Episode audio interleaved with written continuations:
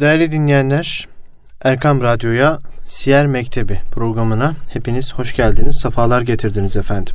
Ben Deniz, program sunucunuz Sami Zorlu ve kıymetli hocam Aziz Mahmut Hüdayi Vakfı İlmi Araştırmalar Merkezi İlam Akademi öğretim görevlilerinden Erhan Turan'la birlikteyiz. Peygamber Efendimiz sallallahu aleyhi ve sellemin hayatını anlamaya, anlatmaya, onun mübarek hayatını gündemimize taşımaya gayret ediyoruz. Bu vesileyle Peygamber Efendimiz sallallahu aleyhi ve sellemin, onun alinin, ashabının şefaati hepimizin üzerine olsun inşallah Amin. diyerek programımıza başlayalım. Amin. Hocam sizler de hoş geldiniz, safalar getirdiniz. Hoş gördük, hoş bulduk. Çok teşekkür ediyorum. Safaları siz verdiniz. Allah razı olsun. Allah razı olsun hocam. Çok sağ olun. Hocam şimdi geçtiğimiz haftalarda Peygamber Efendimiz sallallahu aleyhi ve sellemin artık evet. e, açıktan tebliğe başladığını evet. dinleyicilerimizle paylaşmıştık ve Safa Tepesi'ne çıktığını evet. orada Kureyşlilere işte bu tepenin arkasında bir ordu olduğunu size söylesem evet. bana inanır mısınız? Onlar da inanırız dediğini ve o halde ben bir e, Rabbin olduğunu ve ahiret gününün olduğunu size tebliğ ediyorum şeklindeki tebliğinden bahsetmiştik. Burada evet. tebliğ ile alakalı birkaç noktaya değinmiştik. Fakat bu programımızda arzu ederseniz bu tebliğ meselesinin üzerine düşelim. Evet. Biraz bu tebliğ meselesinin üzerinde duralım. Ee, şimdi bir Müslüman olarak bizim emri bil maruf nehyanil münker diye bir derdimiz olması lazım. Böyle Kesinlikle, bir evet. yükümlülük var üzerimizde. Kesinlikle. İyiliği emredip kötülükten uzaklaştırma. Ee, bununla bağlantılı olarak da bir tebliğ görevimiz var. Evet. Şimdi bu tebliği biz nasıl yapacağız? Ee, çocuklarımıza tebliği nasıl yapacağız? Yaşlarımıza tebliği nasıl yapacağız? Anne babamıza nasıl yapacağız? Eşimize nasıl yapacağız? Bunların hepsinin bir usulü var hocam. Evet. Bunları sizden bugün dinleyelim. Evet. Bir de tebliğ dediğimiz şeyle misyonerlerin yapmış olduğu faaliyetler aynı şeyler mi? Bunun evet, biraz farkından bahsedelim hocam. Buyurun. Euzu billahi mineşşeytanirracim. Bismillahirrahmanirrahim. Elhamdülillahi rabbil alamin ve salatu vesselamu ala rasulina Muhammed ve ala ali ve sahbihi ecmaîn. Şimdi aslında e, değindiğiniz konu çok önemli bir konu. Çünkü Burada başlı başına önce bir tebliğ ne demek? Kur'an-ı Kerim'de ve hadis-i şeriflerde tebliğ nereye oturuyor? Evet. Tebliğin sahası neresi olmalıdır? Tebliğ hangi alanda yapılmalıdır? Ve e, özellikle Müslüman ve gayrimüslim tebliğleri nasıl olmalıdır? Tebliğ yapacak olan şahsiyetin özellikleri neler olmalıdır? Bunun yanında tabi tebliğde usul ne olmalıdır? Hı hı. Nelere dikkat edilmelidir? Belki de en önemlisi bu değil mi? Kesinlikle hocam? burası aslında gireceğimiz yer. Biraz önce sizin buyurduğunuz gibi işte bir çocuğa yapılacak, bir ihtiyara yapılacak, belki bir gayrimüslim çocuğa, gayrimüslim hı hı. ihtiyara. Tabi çocuk derken burada aklı selimden bahsediyoruz. Yani genç, delikanlıya diyelim. E, bu tebliğ nasıl yapılacak? Bunların aslında her biri ayrı birer başlık. Evet. Ayrı birer konu. Tabi biz böyle teker teker girmektense e, genel anlamda tebliğ nedir? Ardından da sahası ve metotlarını bu şekliyle alt başlıklarla vererek gereken örnekleri içine koyarak gidelim. O zaman daha derli toplu olmuş olur, Eyvallah. dağılmamış oluruz. Süremizi de yeterince kullanmış oluruz diye düşünüyorum. Bismillahirrahmanirrahim. Şimdi tebliğ deyince biz tabi belaga kelimesinden geliyor. Be, lam ve gayn harfinden oluşuyor Arapçada bir şeyi bir haberi bir yere ulaştırmak manasında. Belaga, belagat da Hı-hı. buradan geliyor. Açık olma, açığa kavuşturma manasına geliyor aynı zamanda. Tebliğ kelimesi de e, bizim ıstılah dediğimiz İslami anlamda yani Müslümanların anlayacağı anlamda peygamberin vahiy yoluyla aldığı bilgiyi etrafındakilere hem hayatına tatbik ederek ulaştırması anlamına geliyor. Evet. O zaman biz e, tebliğe kendimize uygun manada şöyle bir tanım yapabiliriz. Allah ve Resulünden ve daha sonrası tabiun ve ulemanın bize aktarmış olduğu İslami bilginin hem öğrenilip hem hayata tatbikiyle başkalarına bu Müslüman olabilir, Müslüman olmayanlar olabilir. Ulaştırılmasının adına tebliğ diyoruz. Hmm. Burada Hazreti Peygamber'in bir hadis-i şerifi var. Hayrukum men teallemel Kur'ane ve allemehu. Sizin en hayırlınız Kur'an'ı öğrenen ve öğretendir. Yani sadece bilgiyi yüklenmek değil, bilginin aynı zamanda aktarılması da burada esas olarak karşımıza çıkar. Demek ki Müslümanın bir tebliğ misyonu var, tebliğ vazifesi var tanım itibariyle ve bu tebliğ içinde yapması gerekenler var. Peki ayet-i kerimeler tabi birçok ayette tebliğe işaret çekilir. En can, can alıcı bir iki ayeti biz işaret edelim burada. Ali İmran suresinde geçiyor bu iki ayette. Estaizu billah vel tekum minkum ummetun yed'une ilel hayri ve ye'murune bil ma'rufi ve yenhavne anil munkeri ve, ulaike humul muflihun. Burada vel tekun ifadesi gerekliliği ifade ediyor. Bulunsun, olsun. Buradaki olsundan kasıt yani olabilir olmayabilir değil. Olsun, olacaktır anlamında. Yani bulunsun. Bu bir şarttır aslında. Sizin içerinizden etrafı iyiliğe çağıran, hayra çağıran, iyiliği emreden, kötülükten men eden bir topluluk mutlaka olsun. Evet. Bu e, Kur'an-ı Kerim'in bize bir tavsiyesi aynı zamanda emridir. Yani Allah tarafından. Diğer ayette ayet biraz uzun. Kuntum hayra ümmetin uhricet linnâsi te'murûne bil ma'rufi diye ilahiril ayet devam eden insanlar içerisinden çıkarılmış hayırlı bir ümmet. Ama bunun şartı var. İyiliği emredersiniz, kötülükten de alıkoyarsınız. Evet. Demek ki emri bil maruf ve nehy anil münker Müslümanın yapması gereken asıl unsurlardan bir tanesi. Ayetler fazlasıyla var ama genel olarak baktığımızda bu iki ayet bize tebliğin ne kadar önemli olduğunu, tebliğ etmenin ne kadar önemli Hı-hı. olduğunu işaret buyuruyor. Hatta bazı mezheplerde tabi çok fazla geçerliği yok bu söylediğimiz mezheplerin. E, şu an için günümüzde bunların temsilcisi yok en azından. Farzdır demişler. Yani Müslüman mutlaka tebliğ yapmak zorundadır demişler. Hatta İslam dünyasında bazı ülkelerde bazı topluluklar cemaatler oluşturulmuş tebliğ cemaatleri diye. Yani Hı-hı. insanlar Kur'an-ı Kerim'i ya da eline çantasını alıyor kapı kapı geziyor insanlara İslam anlatıyor din anlatıyor. Kendi anladığı öğrendiği kadar. Yine Peygamberimiz Aleyhisselatü Vesselam öğrenilenin aktarılması, yine hı hı. insanlara bilginin aktarılması adına, yine tebliğ yapılması adına tebliğe işaret buyuruyor. Yani eğer birisi bir kötülük yaparsa bu ra'i dediğimiz çoban hadisi var. Bu men ra'a minkum munkeran fel yugayyirhu bi yedih fe illem yastati' fe bi lisani fe illem yastati' fe bi kalbi ve zelke ed'aful iman diye Ebu Said el-Hudri'den nakledilen hı hı. bir rivayet. Bu Müslim'de e, var. Hatta Tirmizi'de de var bu rivayete benzer bir hadis. Ebu Said el-Hudri Efendimiz Aleyhisselatü Vesselam'dan kim bir kötülük görürse eliyle değiştirsin. Yani demek ki toplumun topluma e, bir sorumluluğu var. Burada tebliğ e, hareket halinde olacağını gösteriyor. Yani aksiyon halinde olacak Müslüman. Devamlı bir e, aktivite halinde olacak. Eliyle değiştirsin. Tabi elle değiştirmek her zaman güç yetirilebilecek bir hadise değil. Hı hı. O zaman fel yugayyirhu biyedih diyor. Yani eğer fel yugayyirhu biyedih yoksa fe illem yastati gücü yetmezse fe bilisani. Ne yapacak? Diliyle düzeltecek. E, dille de düzeltmeye gücü yetmezse o zaman kalbiyle buz edecek. O da yani kalbiyle buz etmekten kasıt da kendisi o işe dahil olmayacak. O ortamdan uzaklaşacak. Onay vermeyecek, tasvip etmeyecek o olayı. Yani karşısında münker ya da e, karşısında gayrimeşru bir takım haller varken o ortamda bulunmayacak ya da bir ekranla vesaire geldiği zaman ekranını kapatacak. Hem göz ekranını kapatacak hem ne hangi ekranla meşgulse o ekranı kapatacak. Yani çünkü kalple buğz etmek sadece tüh demekle bitmiyor hocam. Burada da yine bir hareket var aslında. Gücü yeteni bu.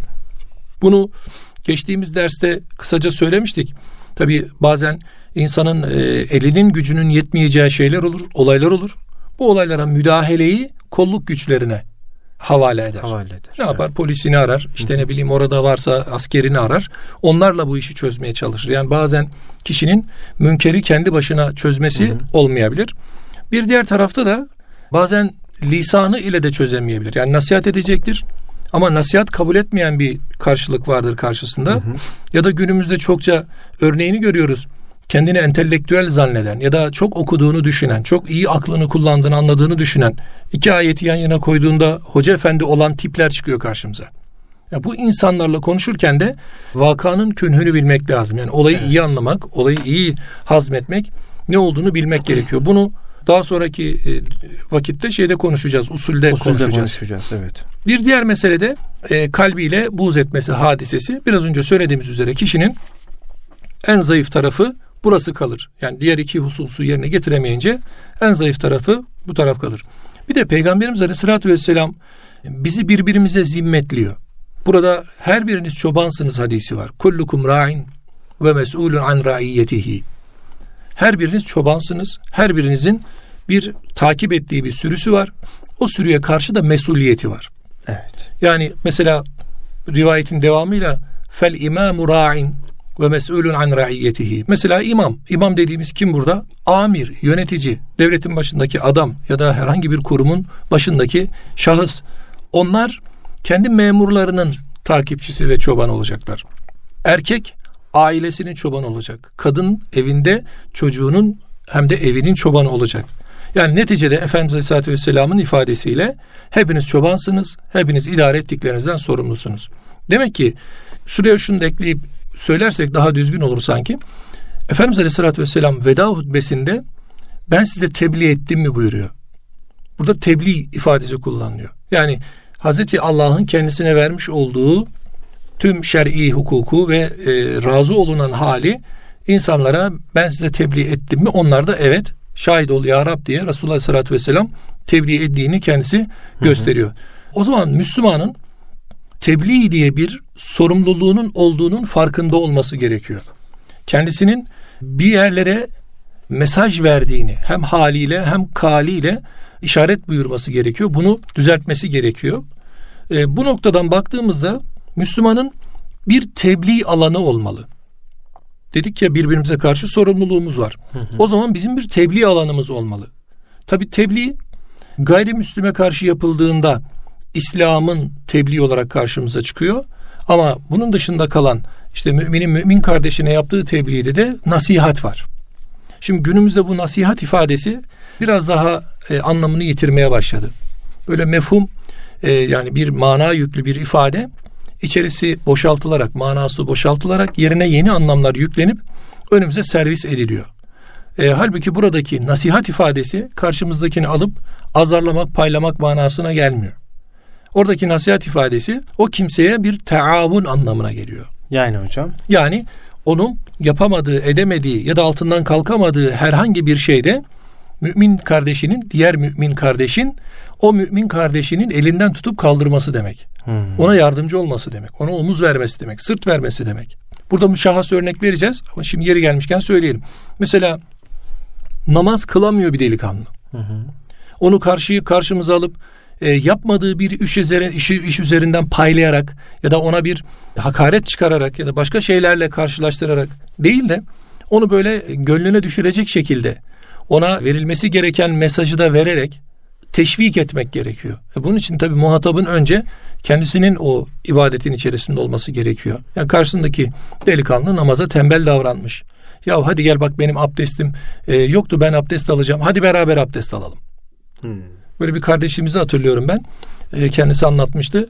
Yani bir delikanlı hiç namazla hatta e, abdestle gusülle işi olmayan bir delikanlı. Hocam dedi ben onu kendime iş etmiştim dedi.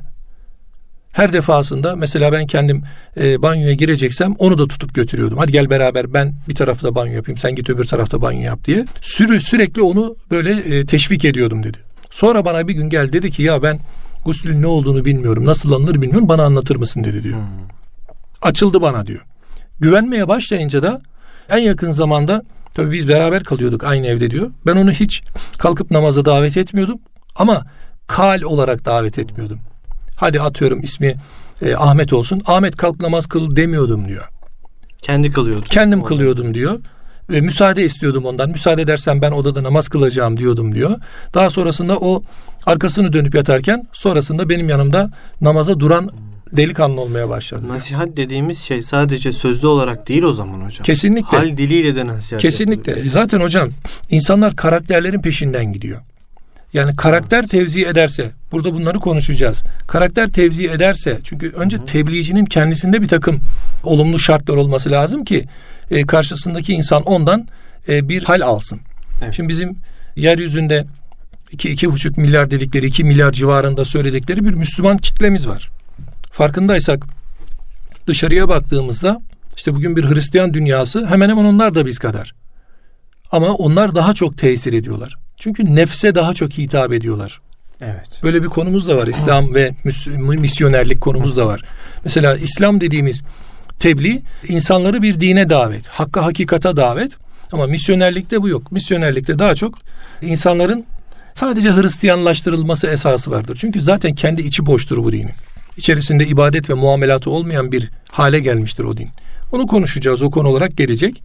Ee, o zaman tebliğin sahası diye şahsın karşısına iki ayrı alan çıkıyor. Bir aslında imanın tebliği var. Hı hı.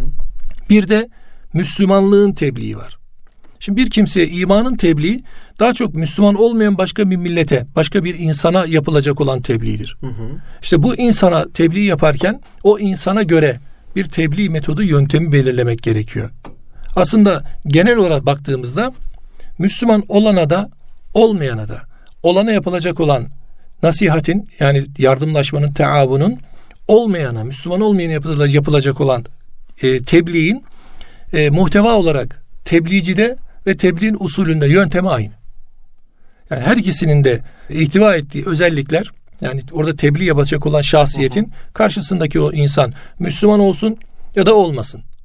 Her ikisine de yapacağı iş aynı. Yani bugün gayrimüslim bir şahsa İslam'ı davette tutunacağımız tavırla Müslüman olan bir adama içkiyi bıraktırmakta, kumarı bıraktırmakta, kötü bir takım hasletleri bıraktırmakta tavır, takınacağımız tavır aynı tavır.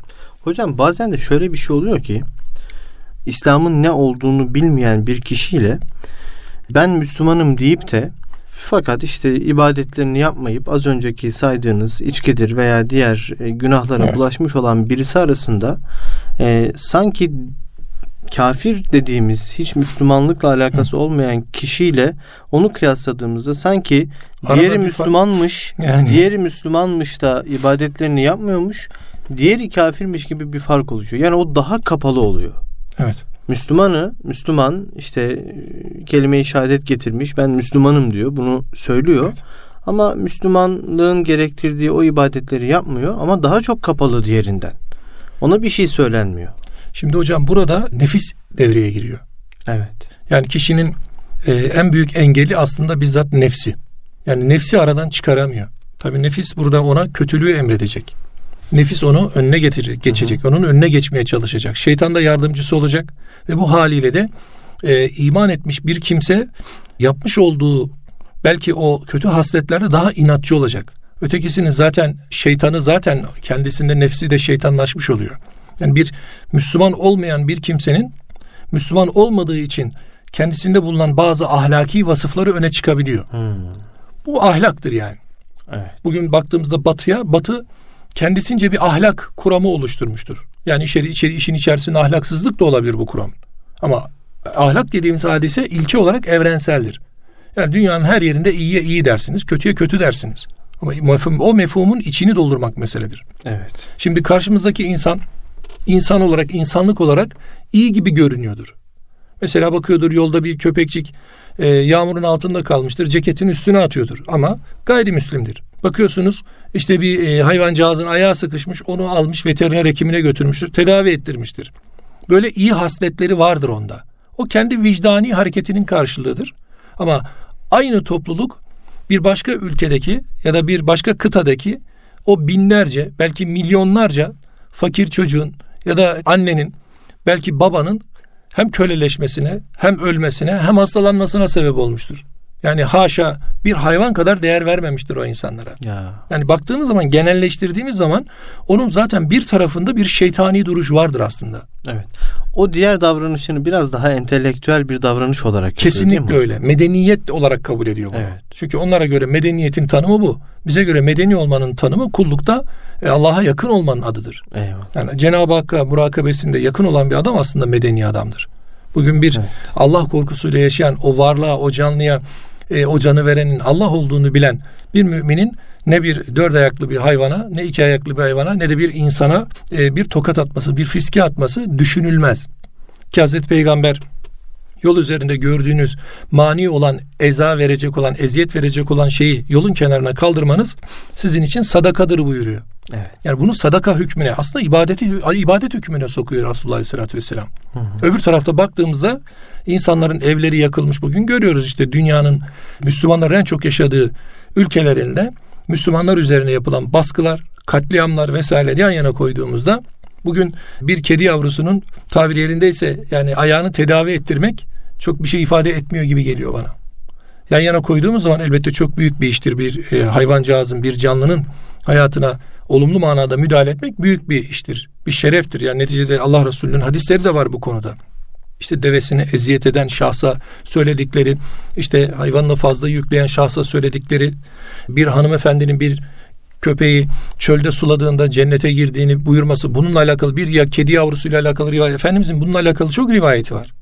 Ama yan yana koyduğumuzda o bir insanlıktan ziyade içerideki merhametin dışarı çıkması. Evet. Şimdi merhamet varsa bir insanda bu dışarı çıktıysa merhamet sadece ota böceğe olmaz hocam. Merhamet aynı zamanda kendi dışındaki diğer varlıklara da olur. Şimdi Efendimiz Aleyhisselatü Vesselam'ın tebliğinde cihatlar var. Ama bu cihatların hiçbirinde katliam yok. Evet. İnsanlar yataklarındayken gece baskınları yok. Ya da çoluk çocuk ne varsa öldürün indirin yok. Hanımlarını gasp edin, mallarını, mülklerini alın, cebinize atın yok. Yani bulunduğu yere İslam'ı, hidayeti koyuyor. Kabul ederlerse işlerinden birisini reis olarak atıyor. Onların dinleri üzerine, İslam dini üzerine olmalarını sözünü alarak toprakları onlara bırakıyor. Bir gasp hareketi yok. Öbür tarafta Allah Resulü Aleyhisselatü Vesselam kendisine mukavemet edene karşı bir mücadelesi var. Onun dışında bir mücadelesinin olduğunu görmüyoruz. Yani kelle koparma mücadelesi yok Allah Resulü'nün. Bugün Batı'nın İslamofobi olarak geliştirdiği, Hazreti Peygamber üzerinden geliştirdiği politikayı ortaya koyduğumuzda gerçekler kendisini gösteriyor. Yani bugün e, hiçbir kimsenin bir ikinci bir şahsa yapmayacağı hakaretleri onlar ağzına geldiği gibi ya da kalemine döküldüğü gibi yapabiliyorlar. Yani bu onların ne kadar merhametli olduğunu gösteriyor. Evet. Ama yok mu vicdanlı gayrimüslim var. O zaman bizim e, bir hedef kitlemiz olmalı. O hedef kitlesiyle biz meşgul olmalıyız. Evet. Yani bu meşguliyetin e, durduğu yer önce şahsın kendi hali olmalı. Neden? Çünkü bir tebliğ yapacağız. Toplum içerisinde bir sorumluluğumuz var. İbadetlerimiz var. Bunun dışında insanlar arası işte biraz önce söylediğimiz muamelat. Şimdi bakıyorsunuz bir adam e, beş vakit namazda kılıyor. Oruçta tutuyor. Haccını da hiç aksatmıyor. Umre'ye de gidiyor ekstra. Ve e, bakıyorsunuz ticarette birisiyle alışveriş yapmış, parasını vermemiş. Yani ötekisi hayatında bir yokluk içerisi, içerisinde. Diğerisi bir eli yağda, bir eli balda ama namazı da var, abdesti de var. Elbette ki namaz abdest çok mühim. Yalnız diğer tarafı kurtarmıyor. Sorumluluk her alanda kendi üzeredir. Namaz sorumluluğu namazladır. Oruca karışmaz. Oruç sorumluluğu oruçladır. Hacca karışmaz. İman sorumluluğu İslam'a karışmaz. İslam muamelata bu şekliyle sorumluluk anlamında netice olarak söylemiyorum bunu. Hı hı. Mesela namaz kılmayan bir adam yani insanlara iyilik yapabilir. Yani namaz kılmadığı için iyilikleri zayi olmaz. Elbette ki iyiliklerinin mükafatını alır. Ama namaz kılmış olmaz. Yani böyle düşündüğümüz zaman bizim hem imanı tebliğde hem ibadetlerimizi insanlara tebliğde, İslam'ı tebliğde hem muamelat, insanlar arası alaka, alakalarımız hem de ahlakımız bu noktada bir alan oluşturuyor. Yani aslında Müslümanın bu alanlarda tebliğleri var. Ya imanı tebliğ edecek, Müslüman gayrimüslim yani Müslümana tebliğ tabi imanda gayrimüslime tebliğ bellidir. La ilahe illallah de demektir. Ama gayrimüslim, e, gayrimüslim olmayan işte bizim Müslümanın Müslümana imanda tebliği de aminu billahi ifadesi vardı Kur'an'da. Ya eyyühellezine amenu aminu billahi ve rasul. Yani iman edenlere iman ediniz. O işte imandaki kıvamın ve tahkikin gerçekleşmesi hali. Ne yapacak? O etrafının imanını bu noktada kıvama getirme. Biraz önce söylediğimiz o güzel e, hasletleri olan, namaz, abdesti, orucu olan bir abimizin, bir büyüğümüzün, bir kardeşimizin diğer işlerinde işte ticaretinde e, yapmış olduğu sanaatinde, ziraatinde her neyse doğruyu, sadakati ve dürüstlüğü tabiri caizse e, te, tercih etmesini sağlamaya çalışmak. Bunun için insanlara bir ayet de olsa anlatmak lazım. Evet. Bir hadis de olsa anlatmak lazım. E, burada önemli olan bir mesele daha var. Toplumun içerisinde olmak lazım. Bizim maalesef böyle bir e, uçurum oluştu. Toplumun alt dediğimiz, alt demeyeyim bu yanlış olur. Avam dediğimiz, halk dediğimiz tabakasıyla havas dediğimiz biraz daha böyle bilgi sahibi olan, biraz daha ilimle meşgul olmuş insanlar arasında ulema diyelim, alimler diyelim arasında bir mesafe oluşuyor. Evet. Bu mesafelerin açılmaması lazım. Yapanlar var Allah hepsinden razı olsun ama sayıları az. Bugün genel itibariyle baktığımızda ilahiyatımız, ilahiyatçılarımız, fakültelerimiz, bunun dışında Diyanet İşleri Başkanlığımız ve sonrasında e, camilerimiz, elhamdülillah vakıflarımız, sivil toplum kuruluşlarımızın her biri bu noktada bir alana ayak basmalı diye düşünüyorum ben. O zaman vazife genelleşir. Herkes kendi üzerinden bir e, hal alır ve bu halle toplumu kuşatır diye düşünüyorum. Tabii evet. burada bir davete hazır olma hali olmalı. Yani bir kere e, bu işi yapacak olan, tebliğ edecek olan şahsiyetin e, bir manen hazır olması gerekiyor. Önce onun kendisini bir ilmi olarak, Kur'an ve sünnet ilimleri olarak ve bedeni olarak madden hazırlaması gerekiyor. Burada giyim, kuşam her şey önemli. Ardından karşısındaki davet ettiği e, faktörün insan olduğunu unutmayacak. O da bir kalp sahibi, o da nefis sahibi, o da akıl sahibi. Çünkü insanda üç hareket noktası var. Kalp var, akıl var, bir de nefis var. Evet. Şimdi bu üç hareket noktasını unutmadan hareket edecek, tebliğ yapacak olan ya da insanları davet edecek olan bir şahsiyetin. Burada bu daveti aleni yapabilir, açıktan yapabilir. Ya da yakınlarından başlayarak yapabilir, toplum olarak yapabilir. Yani kitle kitle de davetler olabilir. Bizim Anadolu erenleri diye bildiğimiz mesela Mevlana Celaleddin'i Rumi'dir. Rumi yani Rum diyarına gönderilmiş olan Mevlana'dır. Mevlana'lardan sonra orası Anadolu olmuştur. Eyvallah. Yani Rumi'den Anadolu'ya döndürme hali e, o hayatı yaşama, hayata tatbik etme, İslami yaşamayla birlikte olmalıdır. Bundan dolayı Kur'an ve sünnet bilgisi önemli ancak şunu unutmamak lazım dünyevi tecrübeler de önemli. Mesela yani hocam. Şimdi biz tebliğ deyince sadece e, hoca efendiler tebliğ yapacak zannediyoruz. Hı hı. Bu sadece hoca efendiler değil. Yani e, tarlasında ziraatle meşgul olan bir ziraatçı yani bir e, arabanın kaportasını döven, çekiçleyen bir e, kaporta ustası da tebliğ yapar. Evet. Yani burada şu örneği vermiş olabilir miyiz hocam? Yani bir baba hoca olmayabilir. Olmayabilir. Ama çocuğuna tebliğ yapacak. yapacak. Bir din eğitimi verecek. Kesinlikle. Bir kaporta ustası işi öğretirken aynı zamanda çırağına e, bir hassasiyet de öğretmeli. Adabıyla birlikte Adabıyla birlikte öğretmeli. Yani bu ecdat elhamdülillah bunu yapıyordu. Yani Hı-hı. Osmanlı'da biz bunları görüyoruz. Daha öncesinde bunları görüyoruz. Bunların birçok örneği var. Yani baktığımızda bir ustanın çırağına işte o teşkilatların kurulması vesaire, ahilik Hı-hı. teşkilatları vesaire bu teşkilatların kurulması da buradan. Birbirine adab aktarıyor aslında onlar. Sanattan önce adab aktarıyor, ahlak aktarıyor. Evet. O ahlak peygamber Kur'an ahlakı olarak birbirine miras kalıyor. Şimdi e, tabii bunu yapması için önce e, bu şahsın hayatına tatbik eden birisi olmalı.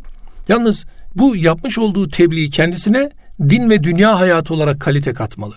Evet. Yani bir tebliğ yapacak olan bir insanın, tebliğde bulunacak olan bir Müslümanın Kur'an ve sünnet ile birlikte nasıl ki dünyevi tecrübesi olacaksa işte bir takım olaylara haberdar olacak. Biraz siyaset bilecek, biraz iktisat bilecek, ekonomi bilecek, spor bilecek, bir takım hassasiyetleri neyse toplumun o dönem içerisinde ehemmiyet verdiği değer yargıları neyse oralardan girecek. Bazen gidersiniz tebliğ yaparken e, bir adama bir futbol takımından girersiniz çıkarsınız namazdan. Hmm. Yani bu süreç kendisini muhabbet kendisini açar. Evet. Sizin bile ilahiyatçı olduğunuz ya da bu böyle bir misyonunuzun olduğunu öğrendiyse, böyle bir e, edebinizin, adabınızın olduğunu öğrendiyse o size kendini açacaktır e, ve anlatacaktır, soru da soracaktır. Ya, karşılaşıyoruz hayatta bunlar çok geliyor başımıza. Bundan dolayı o kimsenin kendi dünya hayatı da kaliteli olacak. Yani namazlarında, abdestlerinde, tuttuğu e, oruçlarında, ibadetlerinde bir denge, bir kalite ve bu kalite kendisini hayatın tatbikinde de gösterecek. Arabasını park ederken giyimini, kuşamını, giyiminde, kuşamında, evinin temizliğinde, misafir ağırlamasında, çayın ikramında, bardağın tutuluşunda, konulmasında, şekerin karıştırılmasına kadar böyle bir kalite olacak. Tabi bu kişinin kendisini böyle olmak için kasacak anlamına gelmiyor. Bu öyle olması gerektiği için olacak. Hayat standardı olacak. Bu. Standart olacak. Hocam bu. bunu biraz açsak. Şimdi e, önümüzdeki programa kalacak tabi. Vaktimizin sonuna geldik ama. Bitirdik mi? E, bitirdik hocam.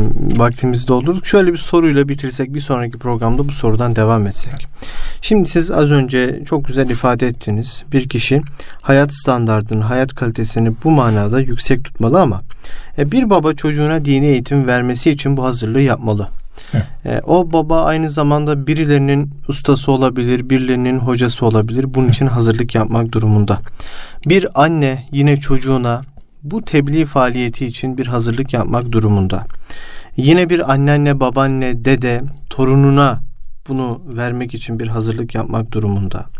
Bunları çoğaltabiliriz. Yani her kişi çocuğuna, etrafındaki insanlara, işte marketin çırağına, işte ne bileyim e, mahallesinde bulunan esnafa vesaire bunların hepsinin tebliğ etmekle yükümlü olduğu bu şeyleri vermek için hazırlık yapmak durumunda. Ama nereden başlayacak? Nasıl bir hazırlık yapacak ki o hale yavaş yavaş girsin?